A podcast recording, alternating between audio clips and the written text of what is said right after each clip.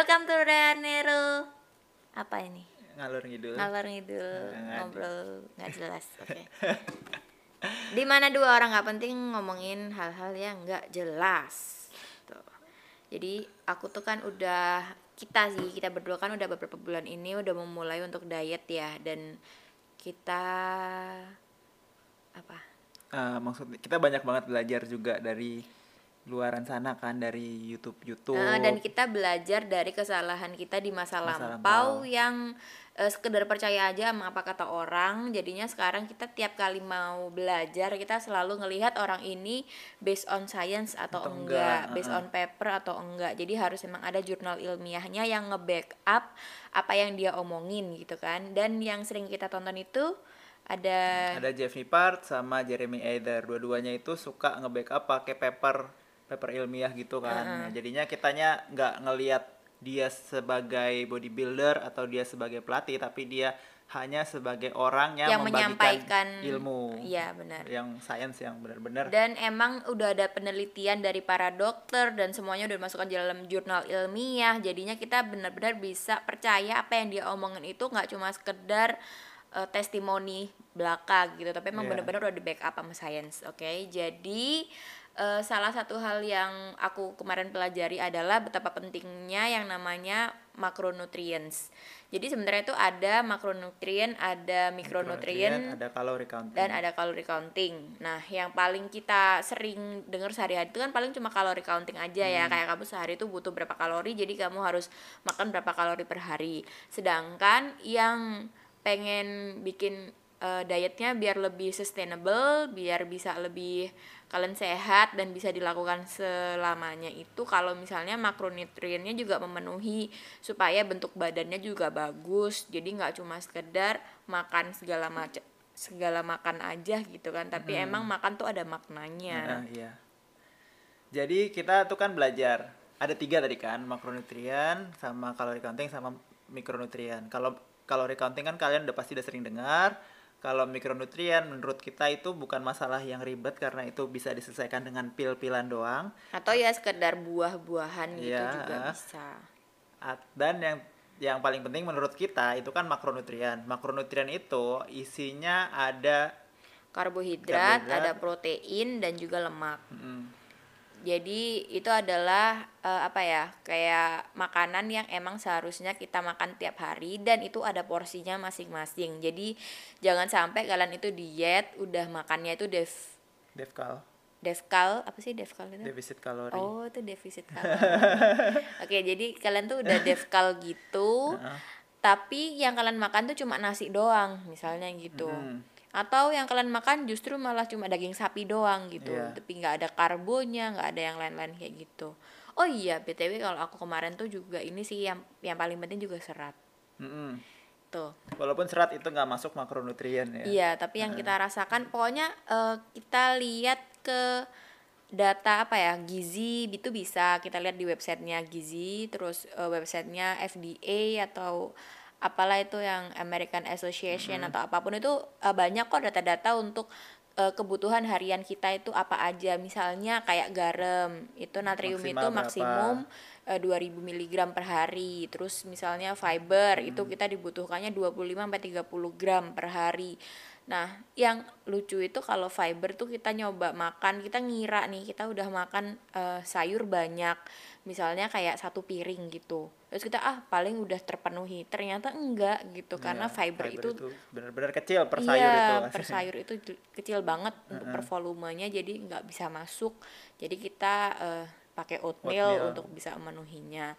Nah, terus kalau untuk gula itu juga ada kan kadarnya berapa itu bisa kalian googling sendiri kalau bisa cari yang emang bener-bener trusted gitu, jangan cuma sekedar dengerin kata-kata orang atau kata-kata YouTube atau apa. Kalau kita sendiri sih sekarang nggak bisa ngasih tahu beneran papernya itu apa aja segala macam karena itu apa yang kita udah lihat dari YouTube-nya Iya, sih. Jeremy Either atau Jeff Nippard itu Iya. biasanya udah Kalau kalian mau ngecek eh, kebenaran dari yang kita omongin ya kalian bisa coba ngelihat di Iya. YouTube itu atau kalian cari sendiri di Google mengenai penelitian ilmiahnya itu. Hmm, terus balik lagi ke makronutrien Oke. Heeh. Jadi, ini aku aku habis nemuin orang yang dia tuh ngejalanin diet kan di aplikasi Fat Secret karena di situ kan bisa share juga kayak Facebook gitu. Nah, dia itu eh tanggal berapa jadi tanggal 20 November dia tuh memulai dietnya. Nah, di sini aku ngeliat dia sarapan itu 5 biji kentang rebus pakai sayur rebus terus dikasih bumbu kacang gitu banyak banget bumbu kacangnya dan yang pasti ini bumbu kacang itu ada kecapnya juga kan dan Hmm, kacangnya iya, pasti di ah. deep fried juga kan ada gula merahnya juga ya pasti Hmm, pasti ada bumbu-bumbu kayak gitu juga. Dia tuh aiming for clean food sebenarnya. Ta- Cuma mungkin dia nggak ngerti ya kalau yang namanya tapi ya bumbu-bumbu gitu tuh juga ada weightnya gitu karena nggak ada clean food yang beneran clean food kayak gitu loh. Itu juga pernah dibahas sama Jeff Nippard kalau misalnya kamu nurutin kata clean food menurutnya menurut keto keto diet berarti kan kamu nggak makan karbo kan? Mm-mm.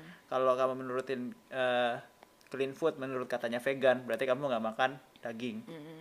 terus kalau kamu keto plus vegan gimana ya, piringmu kosong kan berarti nggak bisa makanya eh, orang-orang yang punya pikiran soal makanan itu ada bersih dan makanan itu ada Iya, kotor ada ada makanan yang baik, ada makanan Makanan yang jahat. Nah, itu tuh sebenarnya juga harus kita lepaskan juga ya. Jangan jangan ngebiasain untuk kayak gitu. Ya, jadi cuman ada less nutrien sama apa banyak nutrisinya Iya. kira kayak gitu Yang nut- nutrisinya banyak. Mm-mm. Jadi Nah, terus dia juga ngepost tuh, dia itu tingginya 168, beratnya 61. aslinya masuk ya? Kalau dia pakai baju tertutup sih sebenarnya nggak gitu kelihatan gemuk ya kan, kelihatannya biasa aja. Cuma dia buka eh, bajunya, kelihatan perutnya itu buncit gitu. Makanya dia pengen diet.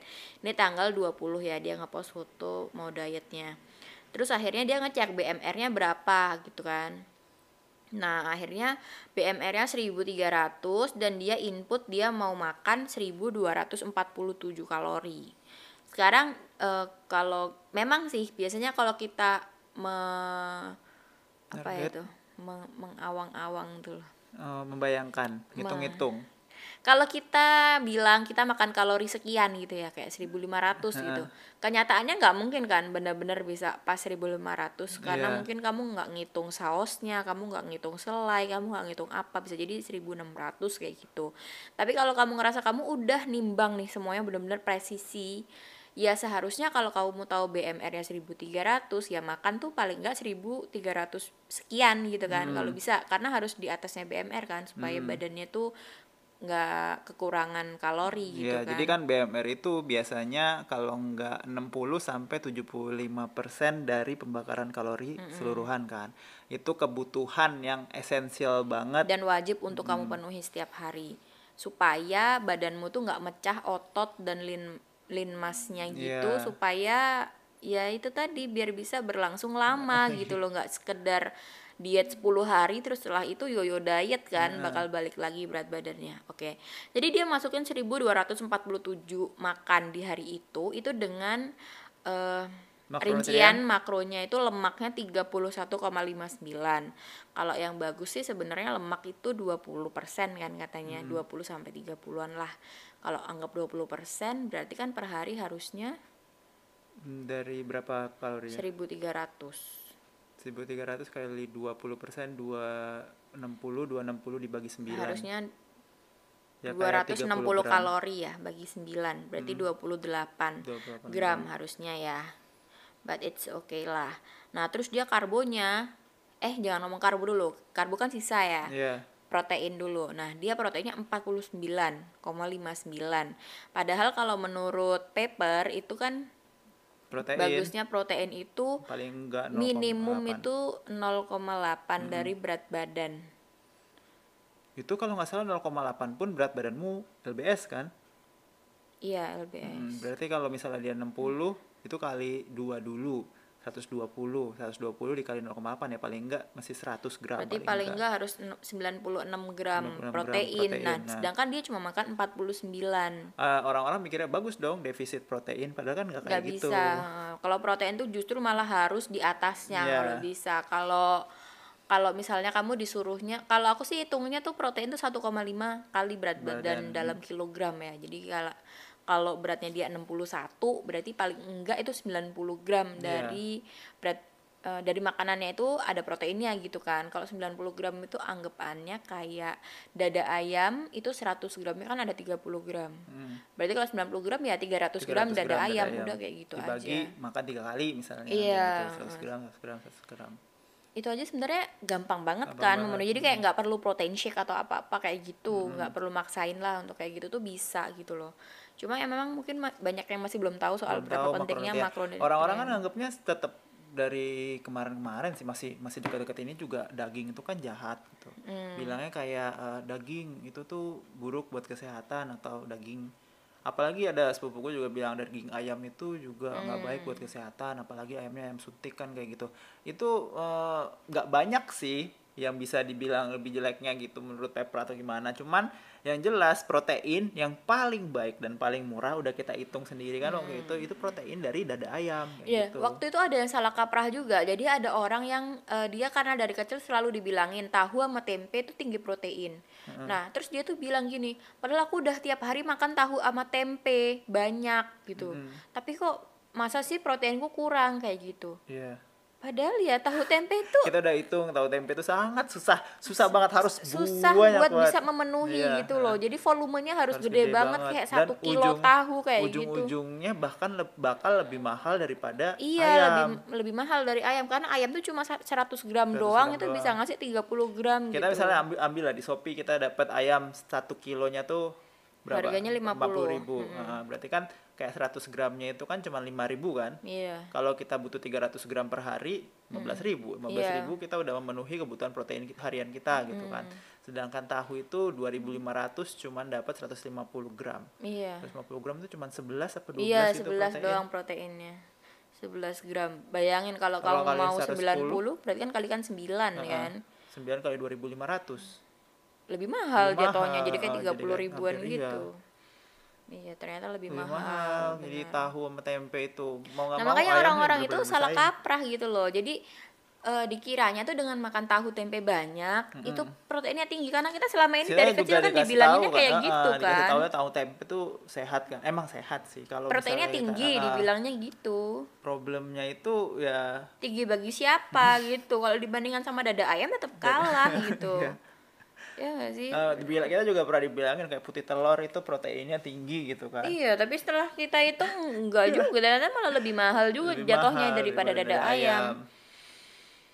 Dan kalau misalnya kalian itu proteinnya nggak mencukupi gitu, mencukupi itu untuk mempertahankan masa otot kan.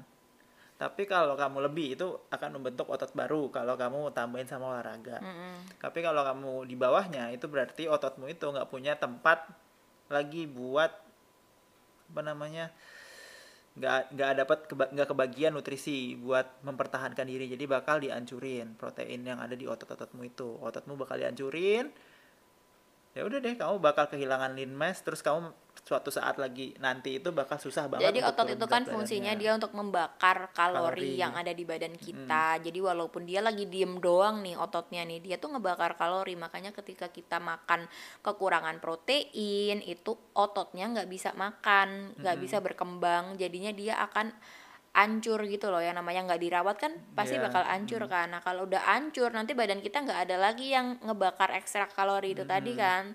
Yang ada kita malah jadi lebih cepat buat gemuk. Makanya itu penting banget sih ketika kamu workout, kamu udah put all of your effort gitu ke situ, tapi kalau kamu nggak makan ya sia-sia ya nggak sih? terus ada lanjutan ceritanya nggak nih orang ini gimana Nah, terus dia eh, makan karbonnya 193 gram.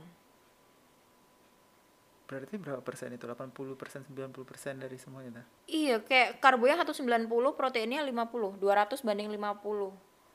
Berarti kan kayak protein cuma 75%. 20% gitu Iya, kan. Ya ha-ha. 20% terus karbonya yang gede banget. Iya. Padahal karbo itu eh gampang banget kan untuk dikonvert jadi, Jadi lemak, lemak, dibandingkan protein karena kalau protein kan dia ada thermal thermal jadinya juga. dia bisa membakar dirinya sendiri. sendiri gitu jadi sangat minim banget dia akan bisa berubah jadi lemak gitu kan Hmm.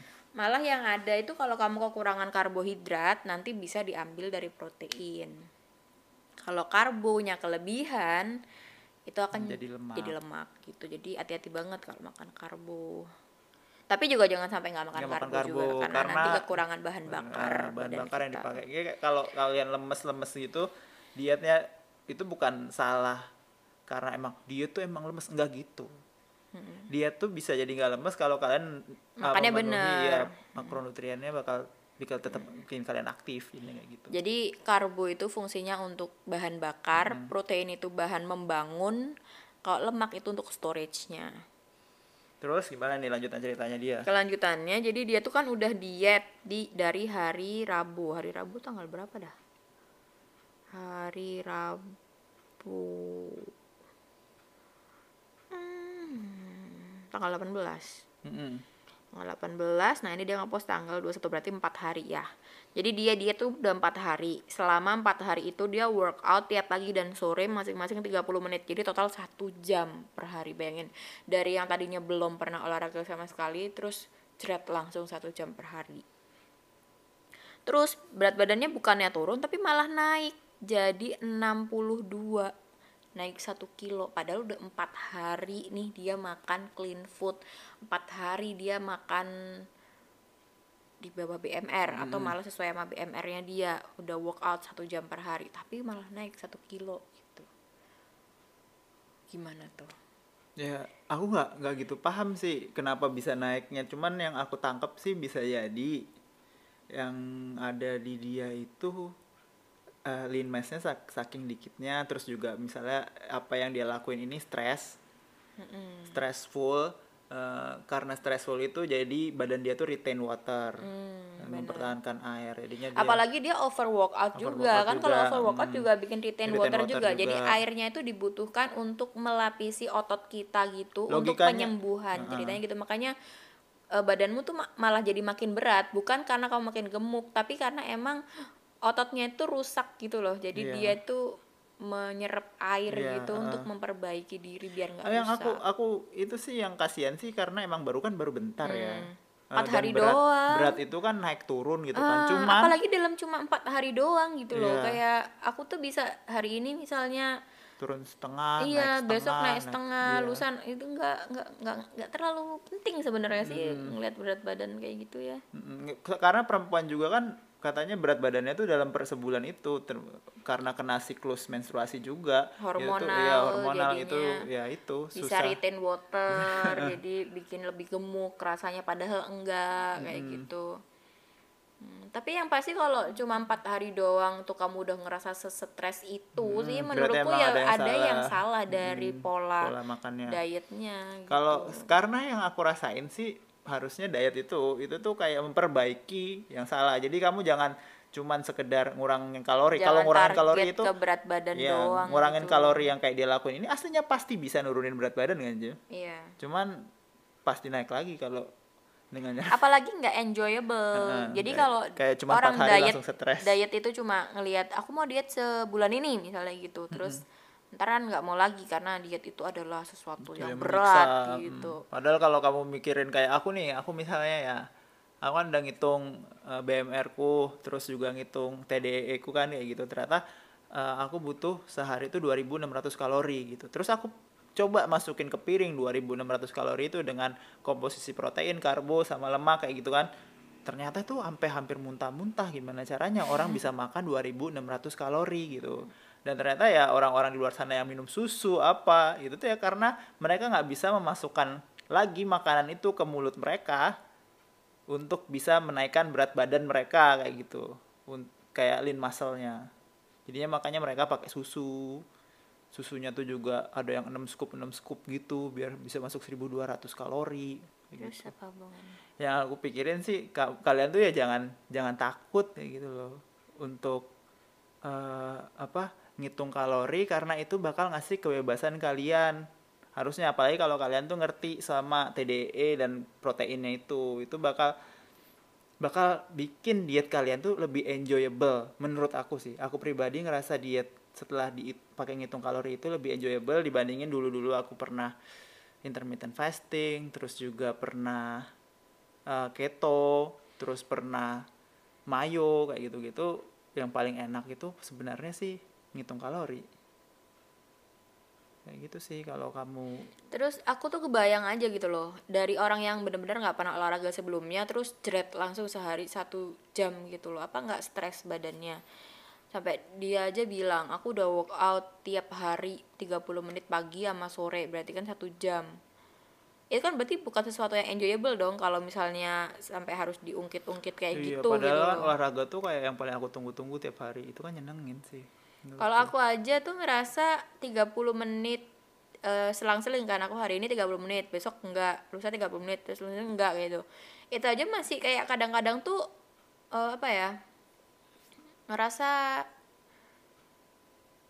banyak gitu loh. Karena sebelumnya benar-benar 0 menit per hari gitu kan. Dari 0 menit per hari terus langsung ngebiasain kayak gitu. Dan makanya kadang itu aku kayak 15 menit aja tapi tiap hari. Jadi nggak selang-seling jadi 15 menit rutin tiap hari kayak gitu asal yang gampang-gampang aja sesimpel mungkin. Asal kamu tuh bisa rutin jadinya. Dan- nggak dan nggak ngerasa berat benci, gitu loh. benci iya nggak benci. Ini kan kayak benci kan dia kayaknya. Iya, heeh. tiap hari 30 menit pagi sama sore aku tadi gitu loh. Kayak baca kelanjutan ceritanya kayaknya kayak, bakal kayak lebih harus serem nyiksa diri banget gitu loh yang namanya diet. Kesannya kayak gitu harus makanya kayak aku aku gitu? pikirin tuh itu orang-orang di luar sana tuh anggap diet itu menyiksa diri padahal enggak. Diet itu kan cuma ngasih batasan aja. Semua hal yang kamu pengen itu bisa kamu makan, kamu makan heeh. cuma porsi itu doang yang Iya, penting yang porsinya salah itu kan disesuaikan. yang berbahaya itu semuanya porsi kayak racun pun kalau porsinya dikit gitu kan kamu nggak apa misalnya kamu nyemprot ke ruangan nih pakai baygon gitu Ya, kamu hirup hirup kan ya kamu nggak mati, mati, iya. tapi kalau kamu minum baygon ya kamu mati kan kayak gitu kan. Ah ya, ya jangan minum baik ya makanya itu semua Maksudnya semua kalau kamu kamu minum air kan air kan menyehatkan. Tapi Ah, kalau kamu minum, minum sampai air, 10 iya, cirigen air iya, gitu kan kamu mati, bisa mati iya. kayak gitu loh. Jadi Karena- hal yang baik pun kalau kamu berlebih ya bakal bikin mati Semuanya gitu. tergantung semua porsi. hal tuh porsi aja. Jadi makanya kita nggak musuhin suatu makanan, Makanan. tertentu. Jangan ada yang ini makanan jahat makanan baik nggak ada kayak gitu. Makanan soleh. Kambing kali makanan soleh. Gak paham Oke, baru empat hari diet, workout, devkal, nggak makan nasi, terus diomongin, lah kamu diet sama olahraga kok badanmu masih nggak ada perubahan? Ya baru empat hari ya malih, what do you expect? Hah, minta digebuk emang gitu. Menurutmu beneran ada orang yang ngomong gitu atau itu suara dari dalam hatinya dia? suara dari dalam hatinya dia nggak bakal ada orang yang ngomong kayak gitu kecuali dia setiap hari kerjanya aku diet aku diet nih kayak gitu. Kayak marah-marah gitu. Ada orang lagi lewat depan rumahnya eh, eh nanti aku diet. Eh, kan nggak kayak gitu. Kecuali kayak ya? gitu. Aku percaya sih di luar sana itu ada orang setoksik itu gitu kan yang ngebully orang yang lagi diet. Cuma kok somehow in her case ya dalam case nya dia ini aku kok ngerasa kayak suara hatinya dia gitu. Karena dia nggak enjoy selama ngejalanin ini gitu loh empat hari diet ini. Kayak tapi emang kayak gitu gak sih? Semua orang anggap kayak Tapi- namanya cantik itu sakit namanya ini tuh sakit gitu. Padahal namanya sehat itu sehat. It's not like untuk Tapi it- sehat tuh it- sakit. Enggak sehat tuh sehat. Mungkin kayak fun or not fun gitu loh. Tapi kalau yang aku ngeliat tuh gini loh aku kan selama punya fat secret tuh aku selalu ngeliat perjalanannya orang-orang tuh sampai Iya. tujuh bulan 8 bulan aku kan selalu cerita sama kamu kan aku juga tertarik eh setiap kamu hebat banget gitu. sih orang-orang ini bisa 8 bulan tuh mereka konsisten gitu untuk nyatet apa aja yang mereka makan dan mereka tuh bener-bener progresnya itu ada kelihatan dan sangat sedikit sebenarnya progresnya ya kan cuma turun kayak 1 2 kilo per bulan gitu kan selama 8 bulan itu jadi kalau Berarti total-total 16 ya kilo. 15 kiloan gitu kan dia tetap gede gitu kalau dilihat dan emang perubahannya sangat-sangat drastis kalau ngelihat dari before after doang Iya, cuma kan yang aku appreciate itu adalah mereka tuh bisa konsisten. Nah itu loh, selama itu ya bisa konsisten. Aku aja yang cuma tiga bulan tuh rasanya udah kayak "Eh," kadang-kadang tuh bosen gitu loh. Hmm. Masa hidupku gini-gini aja kayak gitu kan. Kayak aku pengen melalang buana terus aku pengen ke street food segala macam makan apa pun yang mau kayak masih ada keinginan kayak gitu kan. Cuman apa ya aku nggak nyangka ternyata di luaran sana ada juga orang yang kayak gini yang yang lebih parah dari aku gitu loh. Aku pikir itu aku udah orang yang paling berdosa di Fat Secret itu. Ya, karena kamu orang yang tuh paling orang- lemah gitu loh aku orang pikir. orang yang paling nggak sabar di Iya, Fat Secret. orang yang paling Ini nggak sabar. isi- isinya Fat Secret itu eh, beneran komunitas yang menurut aku sama baik banget iya benar Komunitas positif yang- banget orang-orang ya, iya yang ini devkal terus misalnya gini-gini terus ngasih tahu Iya, kalau gini tuh gini gini gini gini. banget Ternyata banyak situ. banget yang ngerti Heeh. tentang itu juga gitu kan. Nah, dia ini baru baru empat hari gitu tuh. Terus kayak what do you expect, dude? Aku tuh dalam empat hari tuh bisa jadi juga nggak ada progres tuh juga pernah ada kayak gitu nggak yang tiap hari kita pasti turun 100 200 gram nggak kayak gitu. Oke. Kelanjutan cerita dari dia ya. Nah, setelah empat hari itu tidak ada progres apa-apa, kalian tahu apa yang dia lakukan selanjutnya? ya makan Dia malah makan ayam geprek. Ya, ayam yang ditepung, digoreng, terus dipenyet pakai sambal goreng, sambal yang penuh minyak itu. Geprek dan itu dia makan nggak pakai nasi. nggak pakai nasi, terus badannya itu bisa dapat energi dari mana? energi dari mana gitu untuk olahraga satu jam per harinya ngambil dari mana? Padahal olahraga tuh butuh banget karbo. Gila kali. Oke. Terus masih di hari yang sama dia masih bingung nih dia harus makan sesuai BMR atau di bawah BMR karena bagi dia udah makan BMR kok empat hari nggak turun-turun beratnya gitu jadi apakah dia harus di bawah BMR gitu padahal jawabannya udah jelas ya tidak boleh kita makan, Makan di di bawah, BMR. BMR. tidak boleh jadi nanti rambutmu rontok Hmm. nanti kukumu tuh jelek terus nanti mukamu tuh kusem bibirnya kering, Kering. kulit jadi geradakan, berjerawat, komedo lah, pokoknya semua yang buruk-buruk lah pokoknya kalau sampai kamu di bawah BMR. Adikku pun tuh nggak percaya dia aku bilangin kalau dia makannya kedikit itu bikin rambutnya rontok. Dia beli sampo mahal, conditioner mahal, semua tapi tetap bermasalah di bagian rambut karena dia makan cuma sehari sekali. Mm-mm. Dan ya udahlah urusannya dia. Padahal kita sekarang lebih santai gitu ya, tapi eh, aku tuh udah nggak pernah ketombean lagi, terus kayak gitu-gitu aja nggak pernah rontok. Rontok kita kan berkurang dulu setiap hari tuh setiap kamu habis sampoan kan ada rambut gitu. Sekarang rambutnya udah berkurang banget. Kayak Hmm. Udah ya, ada. kayak gitu. heeh. Terus lanjutan ceritanya. Terus setelah satu hari, mungkin karena dia habis nanya makan BMR atau di bawahnya itu kan udah banyak yang komen tuh ya harus BMR harus BMR harus di atas BMR bahkan kayak gitu akhirnya besoknya dia ngupload lagi aku semenjak devkal tapi aku makan tetap memenuhi BMR kok nggak makan nasi tapinya kan dia clean food dan lain-lain Nasi lo clean food. maksudnya apa sih nggak makan nasi Jelas-jelas clean nasi. food dan lain-lain Nasi tuh clean food. Apa sih yang kotor dari nasi? Bingung aku sumpah. Tapi kok sekarang tiap pagi habis bangun tidur rasanya pusing sama mual ya. Terus perut perih gitu. Ada yang tahu nggak kenapa? Sekarang dia tuh baru sehari dia tuh makan ayam geprek, ayam goreng geprek gitu Sama loh. pedes lagi. Dan pedes, pedes, pedes, berminyak, berminyak, berlemak. Jadi dan nggak pakai nasi. Jadi itu bener-bener kayak bikin lambungmu pasti iritasi, bukan iritasi ya apa ya kayak marah gitu loh bikin aku soalnya ada GERD, aku ada mah gitu kan. Jadi kalau misalnya aku bisa ngebayang aku makan kayak gitu pasti perutku juga nggak enak juga kan rasanya, nggak nyaman Hmm. gitu loh. Oke, jadi eh, sebenarnya itu udah tahu banget sih kenapa ya kan. Tapi dia kayak nggak ngerti kenapa Ayam gitu. geprek gitu. Ada yang jawab harusnya. Ayam geprek mas gitu. Terus Terus dia pusing kan ya gimana bisa nggak pusing orang dia nggak makan nasi, dia nggak dapat karbohidrat. mm-mm, Terus dia dapat energi dari mana ya? Pasti pusing lah kan. pusing pusing banget. Mikirnya mungkin bisa ngambil dari lemak-lemaknya gitu. Padahal ngambil dari lemak tuh kan ada maksimalnya. Terus dia nunjukin foto dia berkeringat banget nih, semangat para pejuang diet gitu. Ya bagus sih dia olahraga kayak gitu. Tapi setelah itu ada foto Makan dia kentang. makan kayaknya ayam geprek juga deh. Itu kayak ada sambal ijonya Ah, itu. ah, Dia ah. makan ayam geprek lagi, pakai sayur tuh sa- satu sendok doang. Ya, sayur kangkung atau apa ini sama dua butir kentang karena Kentang dia tidak kecil. makan nasi. Jadi kentangnya kecil banget yang kayak beratnya tuh mungkin cuma 100 gram. Mm-mm.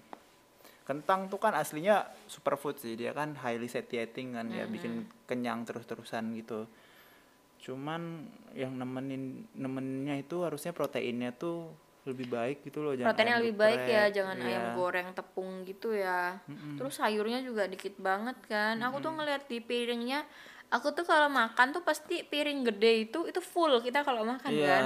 itu kita full tapi ya kita apa ya makan sampai kenyangan kan kita. Tapi berat tetap bisa turun itu gitu. tetap devkal juga kok. Iya, aku yang aku lihat nih. kalori. ya aku lihat misalnya nih dia makan ayam ayam ayam goreng gitu kan ya. Ini kayaknya cuma Yang- 150 gram yang aku sebel itu ada dua gitu kan. Ada orang yang makannya ayam goreng kayak dia ini sama ada satu lagi sisi bodybuilder gitu cuman makan ayam rebus. Iya ayam rebus dan bener gak dikasih bumbu apa-apa sama nggak sekali. pakai garam. Bener-bener kayak coba? Jelas-jelas nggak ada hubungannya kan? Iya kalau asal garamnya itu tetap masuk ke mikronutrien kan yang kayak kamu bilang 2000 itu miligram. 2000 miligram itu asal tetap masuk ke situ ya kenapa nggak pakai aja garam Hmm. oh nggak paham orang-orang itu nggak pakai garam kayak garam itu jahat aja Iya. karena masalah tuh porsinya aku nggak ngerti ya bodybuilder bodybuilder Indonesia gitu Iya, gara-gara orang-orang yang kayak gitu kan akhirnya orang luaran, orang awam itu ngelihat kalau diet itu ternyata semenyiksa itu Iya. gitu. Padahal kan enggak. Enggak. Orang kita pernah kok nyoba masukin sambel ke dalam eh, Fat Secret kan. Iya. Itu ternyata ya cuma nambah kayak berapa 50 kalori kayak gitu-gitu. Padahal menambah kenikmatan kan banget iya kan. jadi kita bisa stay lebih on lama track terus-terusan gitu. Jadi kita nggak ngerasa kita on Tersiksa, diet kayak iya. gitu. Ini sedih banget sih lihat makanannya sumpah. Itu eh, sayurnya dikit banget. Dikit banget dan kentangnya tuh dikit banget, dikit banget. nggak masuk akal kita aja makan nasi paling nggak 200 gram, 200 gram. kan. Dan itu pun karbonya masih rendah banget. Karbo yang lebih tinggi bisa kita, kita dari dapatnya dari oatmeal, oatmeal. biasanya. Mm. Nah, terus setelah itu dia satu hari kemudian dia ngepost foto, itu perutnya masih buncit. Terus mau gimana emang orang baru berapa hari? Terus setelah itu dia nunjukin dia udah berapa lama diet nih? Satu minggu. Satu minggu diet dia turun 400 gram. Mm-mm. Kan normal ya, Alhamdulillah. bagus Iya. ya kayak gitu. Setengah kilo per Tapi kayak minggu. dia nggak ada kayak, kayak masih kurang banget gitu loh. Mungkin karena dia ngeliat di Fat Secret orang-orang udah turun 15 kilo, 10 kilo, tapi dia nggak ngelihat timelinenya orang itu tuh udah Iya. berapa bulan gitu loh. Dulu kita kan sempat waktu apa namanya? eh, intermittent fasting ya. Itu kita bisa turun sehari 500 gram. Iya bisa. Sepanjang program itu satu bulan kita turun 20 kilo kayak gitu, 10 kilo lah, 10 kilo itu bisa. Tapi ya ujung-ujungnya naik kan. Tapi ya pasti bakal yoyo karena yang hilang tadi itu juga lean muscle-nya juga Iya, ikut hilang, hilang. lean mass-nya.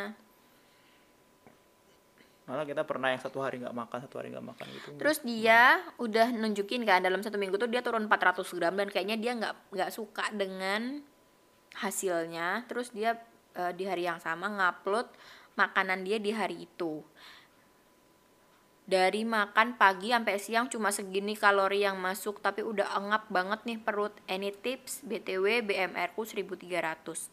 Dan dia masukinnya itu dia makan lemak 3 gram, karbo 85 gram, protein 6 gram.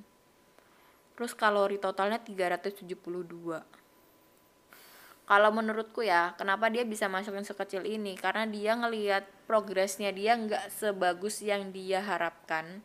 Sehingga kita ketika lihat makanan tuh kayak musuhku musuhku nih aku jadi gendut gara-gara makanan ini kayak gitu. Akhirnya dia nggak bisa makan deh. Ini udah banyak banget nih yang komen yang ngasih tahu harus harus makan, harus olahraga. Saya segitu Terus- masih lapar. Iya. Tuh ada tuh ada yang ngasih tahu makan di hati-hati. bawah BMR jangka waktu panjang nanti akan mengganggu kerja organ tubuh. Mm-mm. Terus ada lagi hati-hati loh ini menjurus ke anoreksia kayak gitu. Ya ini bener banget sih soalnya itu kan bisa masuk ke inimu ya kepala kan kayak aku harus kurus harus kurus harus kurus ntar malah jadinya mentalnya nggak bener gitu kalau kayak aku masih nggak ngerti kenapa harus kenapa kalian begitu menginginkan hasil yang begitu ekstrim gitu loh dan begitu cepat gitu juga. Iya. Padahal you have all the time in the world until you die gitu loh. It's still a long time to go. Kalaupun nggak nyampe sampai kamu mati tuh misalnya besok ya udahlah kan besok emang udah waktunya mati udah mati aja gitu kan nggak usah mikir gitu tapi waktu itu panjang kamu nggak cuma 10 hari ke depan nggak cuma sebulan ke depan jadi nggak perlu diet itu dipikir dalam 10 hari aku harus turun 10 kilo nggak perlu kayak gitu. Tapi itu ge- generating misalnya kayak mau gimana ya di budaya YouTube, budaya Iya sih, tiga Instagram, hari. tiga hari Aku kemarin ingat iklan-iklan di Instagram juga soal pil-pil diet itu. Aku baru minum sekali udah turun setengah, udah turun 2 kilo. Apaan tuh organnya diambil minum. Kan tangannya dipotong. Kan serem sih ya maksudku. iya ada yang ada yang beli pil diet juga. Jadi per pil itu pasti turun sekilo. Jadi dia kalau 10 hari minum pil itu dia turun 10 kilo kayak gitu. Hmm, itu malam-malam keluar alien dari kayak dokter Who dong.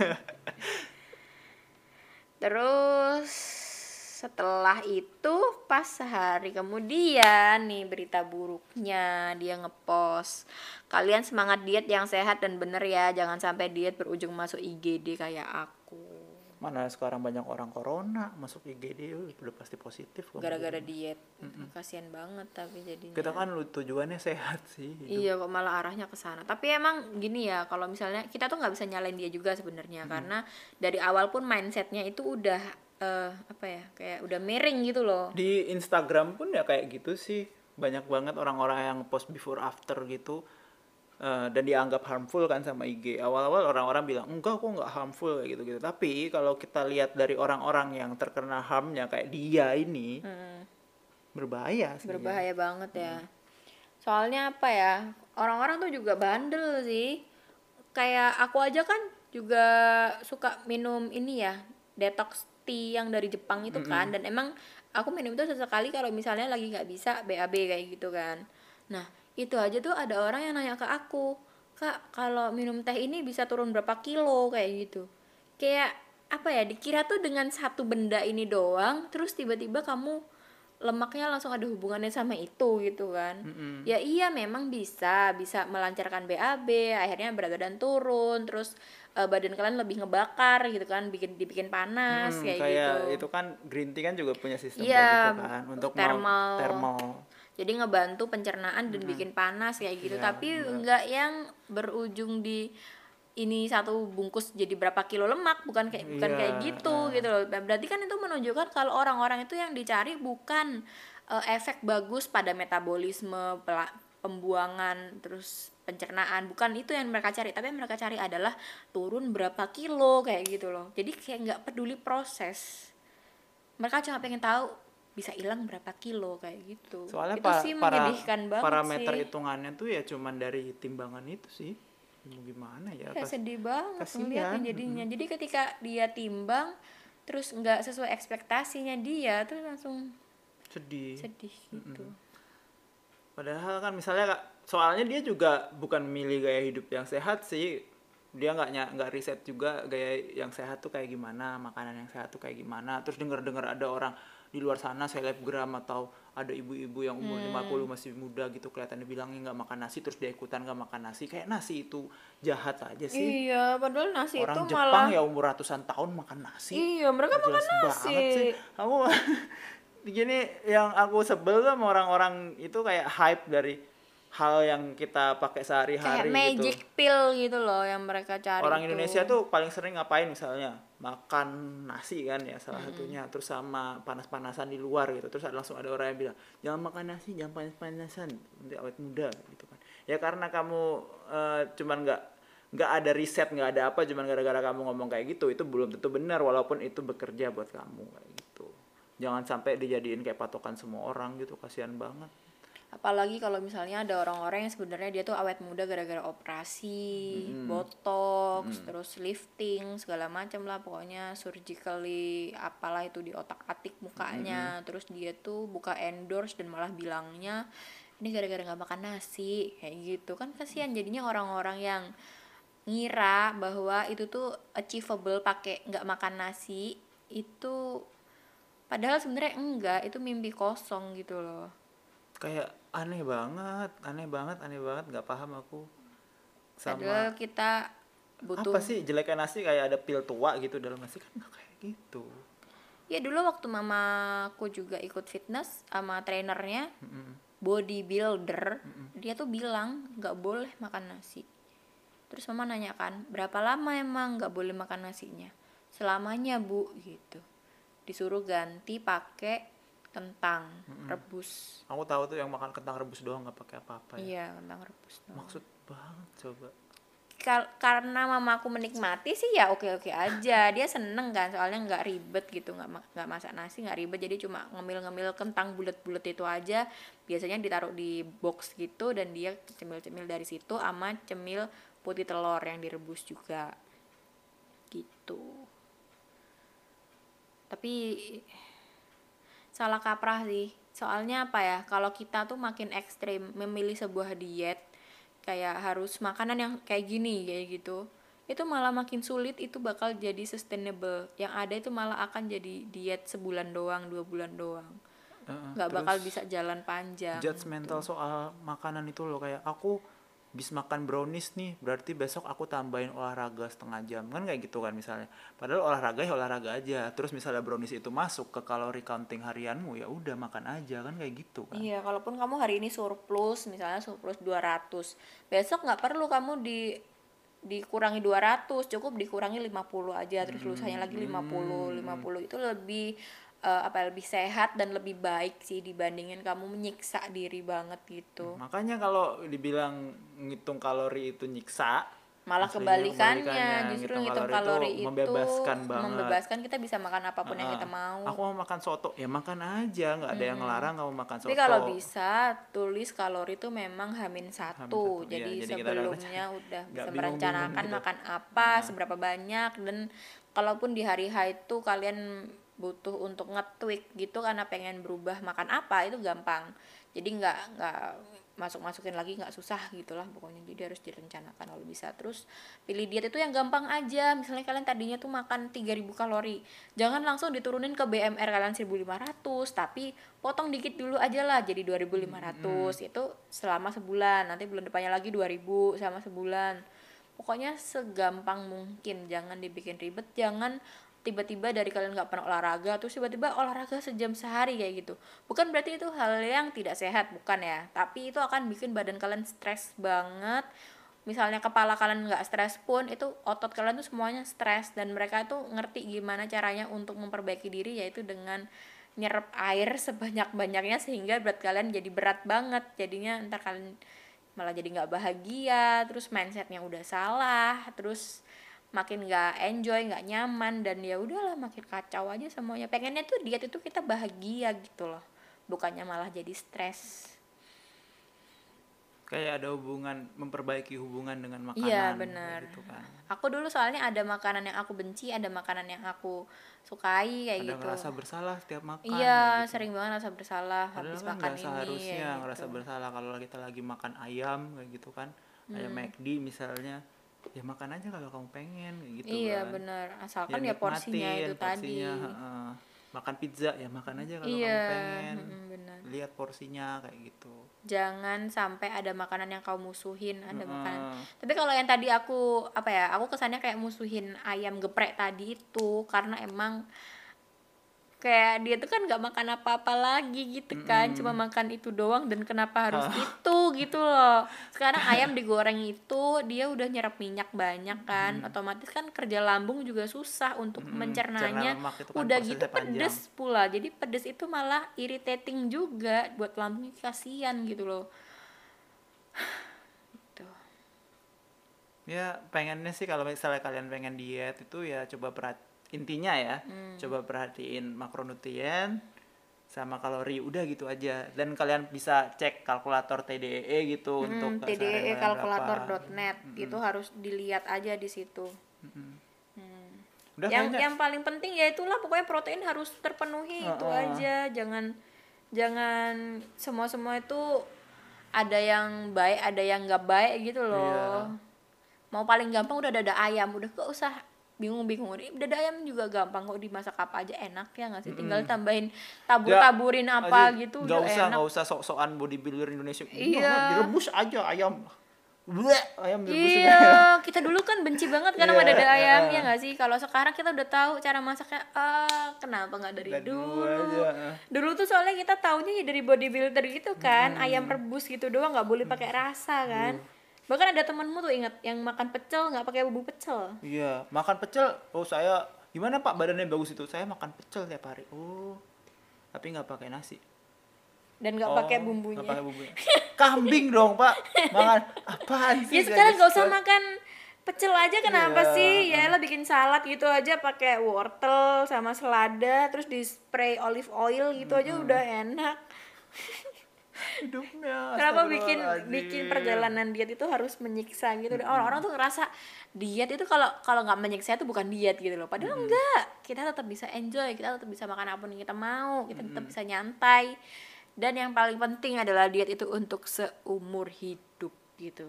Mm-mm, jadi cari emang yang paling cocok buat paling cocok buat kalian. kamu dan bisa kamu jalanin seumur hidup. Itu aja. Oke bye bye